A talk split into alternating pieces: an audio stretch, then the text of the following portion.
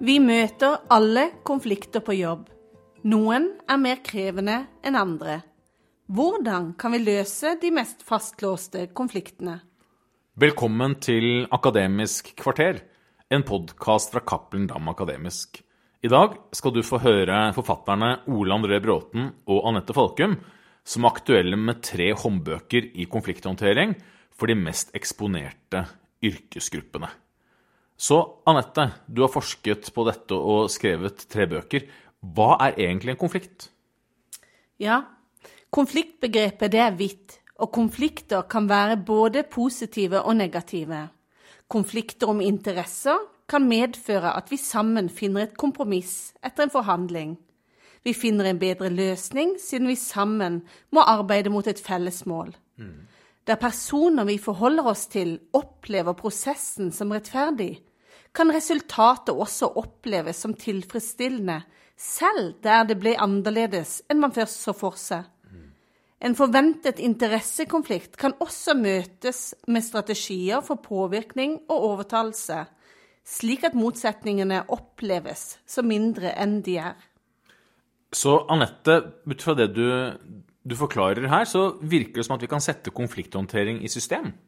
Ja, kan du fortelle litt om systemet vi har utvikla?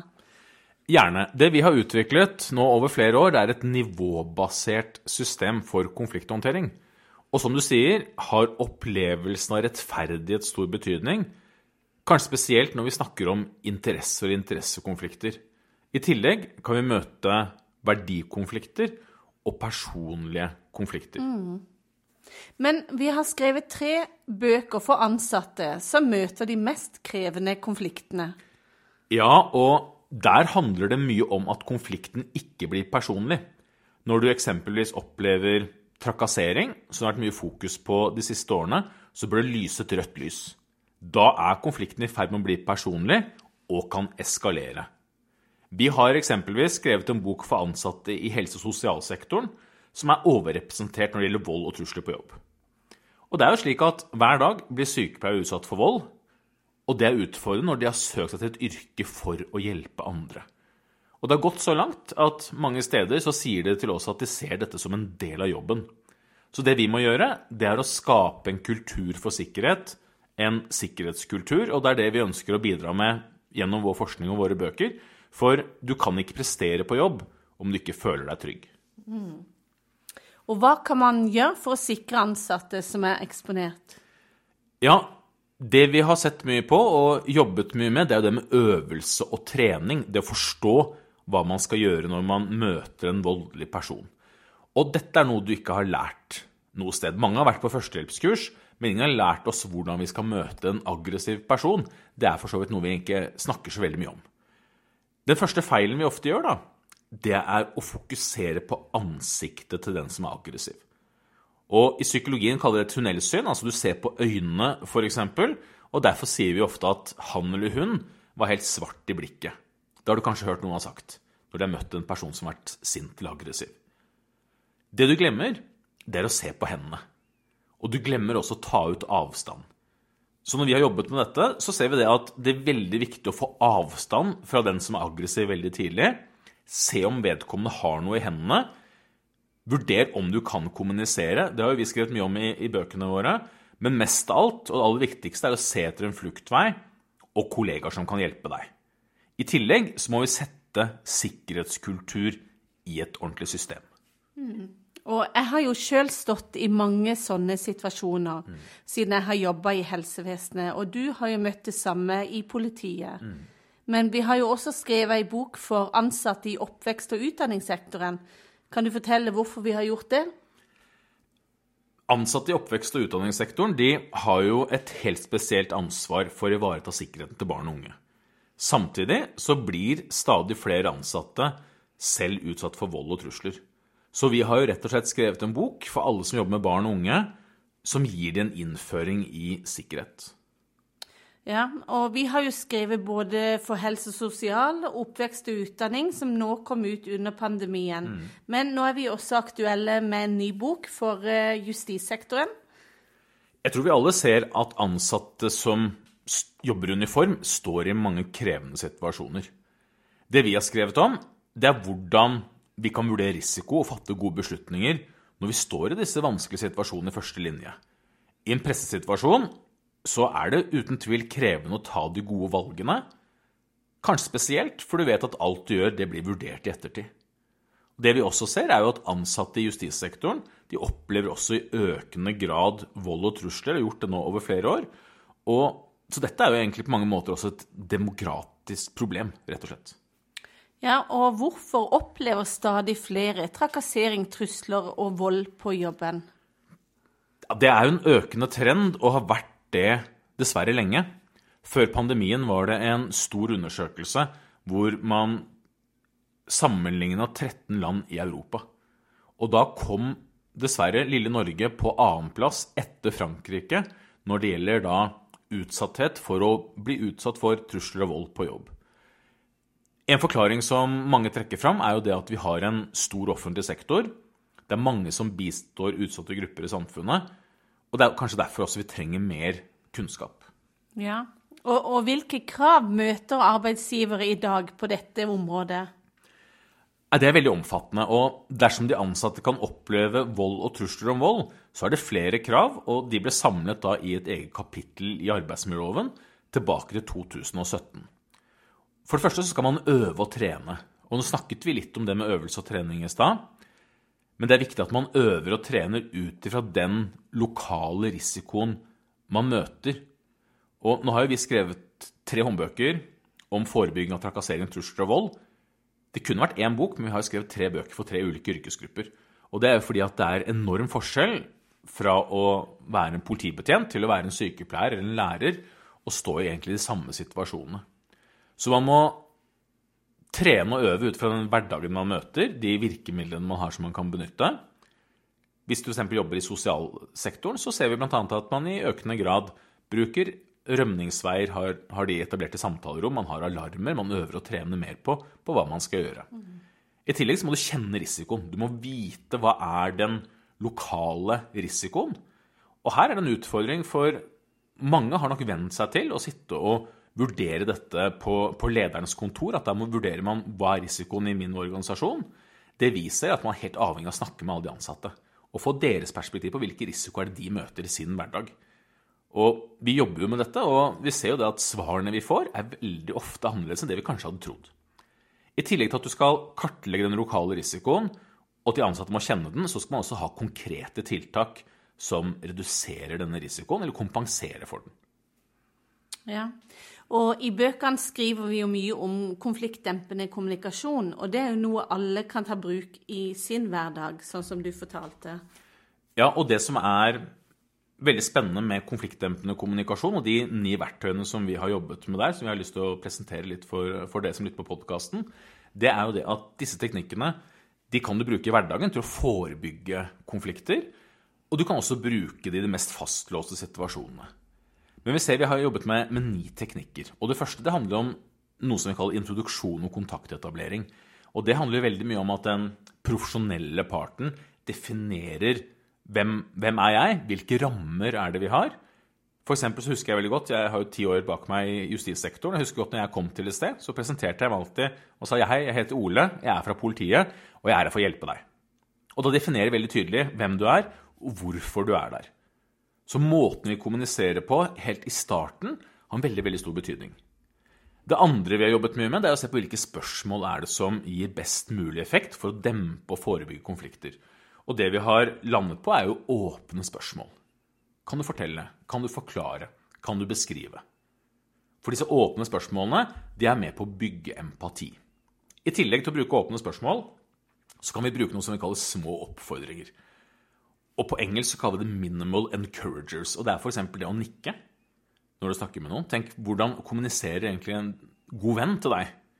Den Vedkommende nikker sannsynligvis og gir en bekreftelse på at vedkommende hører hva du sier. Og i en konflikt så er jo kanskje det også mye av utfordringen at du er usikker på om den andre parten faktisk hører på det du sier. Så det bekrefter er veldig viktig. Og så er det også veldig viktig det å ta pauser. Det å ta, Vi kaller det effektive pauser. Og i forhandlingspsykologi så snakker vi om 'go to the balcony'. Det handler om å ta en liten pause. Kjøle ned situasjonen når konfliktnivået kanskje er blitt for høyt, og vi har utfordringer med å, finne tilbake. Det femte vi snakker om, det er noe vi kaller parafrasering. Og til tross for et vanskelig begrep, så er kanskje det noe av det mest effektive. For la oss si at du nå møter en person som er negativ til deg, negativ til den, den jobben du har gjort, negativ til yrket ditt. Men så starter det kanskje med noe positivt. Si at det er jo stort sett veldig hyggelig å møte deg, eller stort sett veldig hyggelig å komme hit. Og så kommer det veldig mye som er veldig negativt. Og da er spørsmålet hva skal du ta tak i? Men hvis du tar tak i det første, da, så fint at du vanligvis syns det er hyggelig å, å, komme hit, eller så fint at du vanligvis syns det er hyggelig å møte meg, og nå skal jeg hjelpe deg, at du tar tak i det som er positivt, fremfor det som er det negative. Mm, mm. Så poenget er det å forsterke det mest positive i kommunikasjonen. Ja, og det er jo også veldig vanskelig hvis du selv opplever at situasjonen er litt fastlåst. Så er det vanskelig å lete etter det positive. Men hvis du blir trener til det, og øver deg på det, så blir du flinkere etter hvert. Noe vi også har fokus på, det er noe vi kaller å identifisere følelser, eller emotional labeling. Og emotional labeling det handler om å være bevisst på hvilke ord du bruker, enda mer enn hva du forsterker. Hvis du f.eks.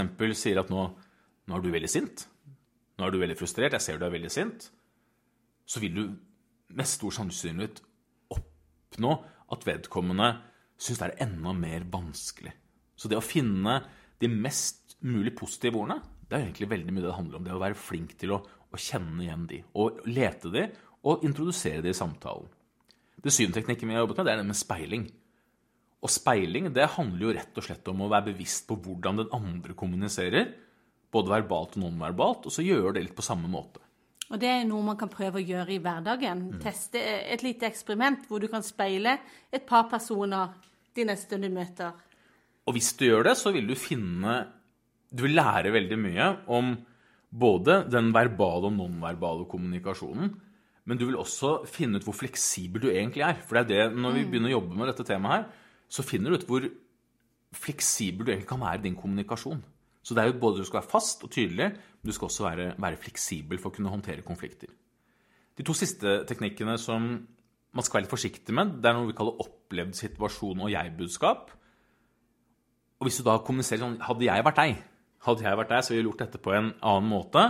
Hadde jeg vært deg Hvis du kommuniserer for mye, har for mye fokus på deg selv, så ender du kanskje opp med at du er den som, som da blir problemet. Så det er veldig viktig for oss å være, være veldig forsiktig med. Så hvordan spiller så psykologiske mekanismer inn i konflikter? Ja, De spiller jo inn i veldig stor grad. Og håndbøkene våre det handler jo veldig mye om, om psykologi. Og det handler veldig mye om denne relasjonen for vi ser noe som persepsjonspsykologi, som handler om hvordan du oppfatter, vurderer de personene du møter. Så har vi med oss noen kognitive skjemaer. Og disse kognitive skjemaene så oppfatter vi stort sett personer som kan være ja, sinte, aggressive. Vi syns det er vanskelig å forholde oss til den type personer. Så mange sier at de er konfliktsky, og det er jo noe som er veldig sånn naturlig i oss. Det å gå inn i en konflikt med en person som du kan tenke er urimelig, det er veldig vanskelig. I psykologien så kaller vi dette den fundamentale attribusjonsfeilen. Rett og slett si at vi tillegger en person stabile indre egenskaper ut ifra én observerbar handling. Og da er utfordringen vår at det blir veldig vanskelig å kunne gå inn i konflikter. Og det er jo ikke bare disse yrkesgruppene vi har skrevet for. Vi møter jo veldig ofte ledere. Vi møter mange ulike ansattgrupper som har til felles at de syns det er vanskelig å gå inn i konflikter. Og Hvis du i tillegg tenker på at man har med seg mange personlige psykologiske forsvarsmekanismer i tillegg, så er det ganske åpenbart at vi trenger, vi trenger god kunnskap. Mm. Så hva er disse psykologiske forsvarsmekanismene? Ja, De varierer jo veldig ut ifra bakgrunnen din. De varierer ut ifra hva du har lært i utdanningen din, hva du har møtt i, i hverdagen din. Vi sier ofte at vi har fem psykologiske forsvarsmekanismer. Det ene er det vi kaller intellektualisering, og det er jo det kanskje vi har gjort med bøkene våre. Altså, vi har gjort veldig, noe som er veldig emosjonelt og veldig krevende. Vi har gjort det veldig konkret. Og vi har lagd en oppskrift. Og det er utfordringen når du står i situasjonen, at ikke du får med deg nok av disse følelsene som alle ville faktisk oppleve.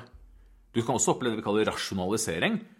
Og det kan kanskje være det sykepleieren opplever da, som møter vold på jobben sin. At man rasjonaliserer det og tenker at dette er noe som alle andre opplever her på jobben min. Så glemmer man kanskje å tenke på at arbeidsmiljøloven stiller veldig tydelige krav. At dette er noe du ikke skal oppleve. En annen mekanisme er noe vi kaller forskyvning. Og det handler rett og slett om at du forskyver stresset som du opplever. For når du står i en konflikt, så krever det ekstremt mye av oss. Da kanskje du forskyver det til kollegaen din, du forskyver det til de som du bor sammen når du kommer hjem. Og derfor ser vi at konflikter også knyttes til dårlig arbeidsmiljø, bl.a. En annen teknikk, som, eller annen forsvarsmekanisme som vi har snakket mye om, det er dette med motreaksjon. At man opptrer helt annerledes enn det man kanskje burde gjort. Mm. Og dette er nok noe mange kan kjenne seg igjen i.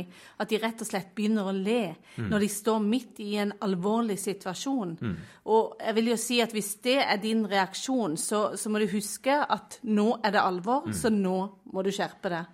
Og jeg har sett det mange ganger, både som politimann, som soldat, i mange krevende situasjoner at vi prøver rett og slett å forholde oss til det stresset som vi opplever, og da kan denne motreaksjonen slå inn. En annen forsvarsmekanisme er noe vi kaller projisering. Og da kan det være at du rett og slett projiserer din egen usikkerhet da, over på den personen som du møter. Og det er ikke rart, for i en konflikt så er det masse følelser, det er masse stress, men hvis du har en klar plan og har en klar struktur, så vil du merke at du håndterer det på en veldig mye bedre måte. Ja, Ole André, nå har vi skrevet tre bøker om konflikthåndtering. Kommer det flere? Ja, Bøkene våre bygger jo på eh, vår modell for nivåbasert konflikthåndtering. Og Der arbeider vi med tre tema lavt, moderat og høyt konfliktnivå. Og De håndbøkene som vi er ute med nå, de er jo skrevet for ansatte i helsevesenet, innen utdanning og justissektoren, og de møter da et høyt konfliktnivå. Men det er mange andre verktøy og strategier på de lavere nivåene og vi har snakket litt om aktiv lytting og konfliktdempende kommunikasjon i dag. Og det dekker jo alle bøkene. Men det kan nok tenkes at vi også jobber med en bok for de som møter de litt mindre alvorlige konfliktene. For vi ser jo at de negative konfliktene knyttes veldig ofte til arbeidsmiljø og, og trivsel og sykefravær. Takk for samtalen og samarbeidet, Ole André. Takk det samme. Du har nå hørt en episode av Akademisk kvarter en podkast fra Cappelen Dam Akademisk. Bøkene vi har snakket om i dag, er håndbok i konflikthåndtering for justissektoren, som nettopp har kommet ut, og håndbok i konflikthåndtering i helse- og sosialsektoren, og håndbok i konflikthåndtering i oppvekst- og utdanningssektoren. Bøkene de er tilgjengelige i bokhandel og på nett.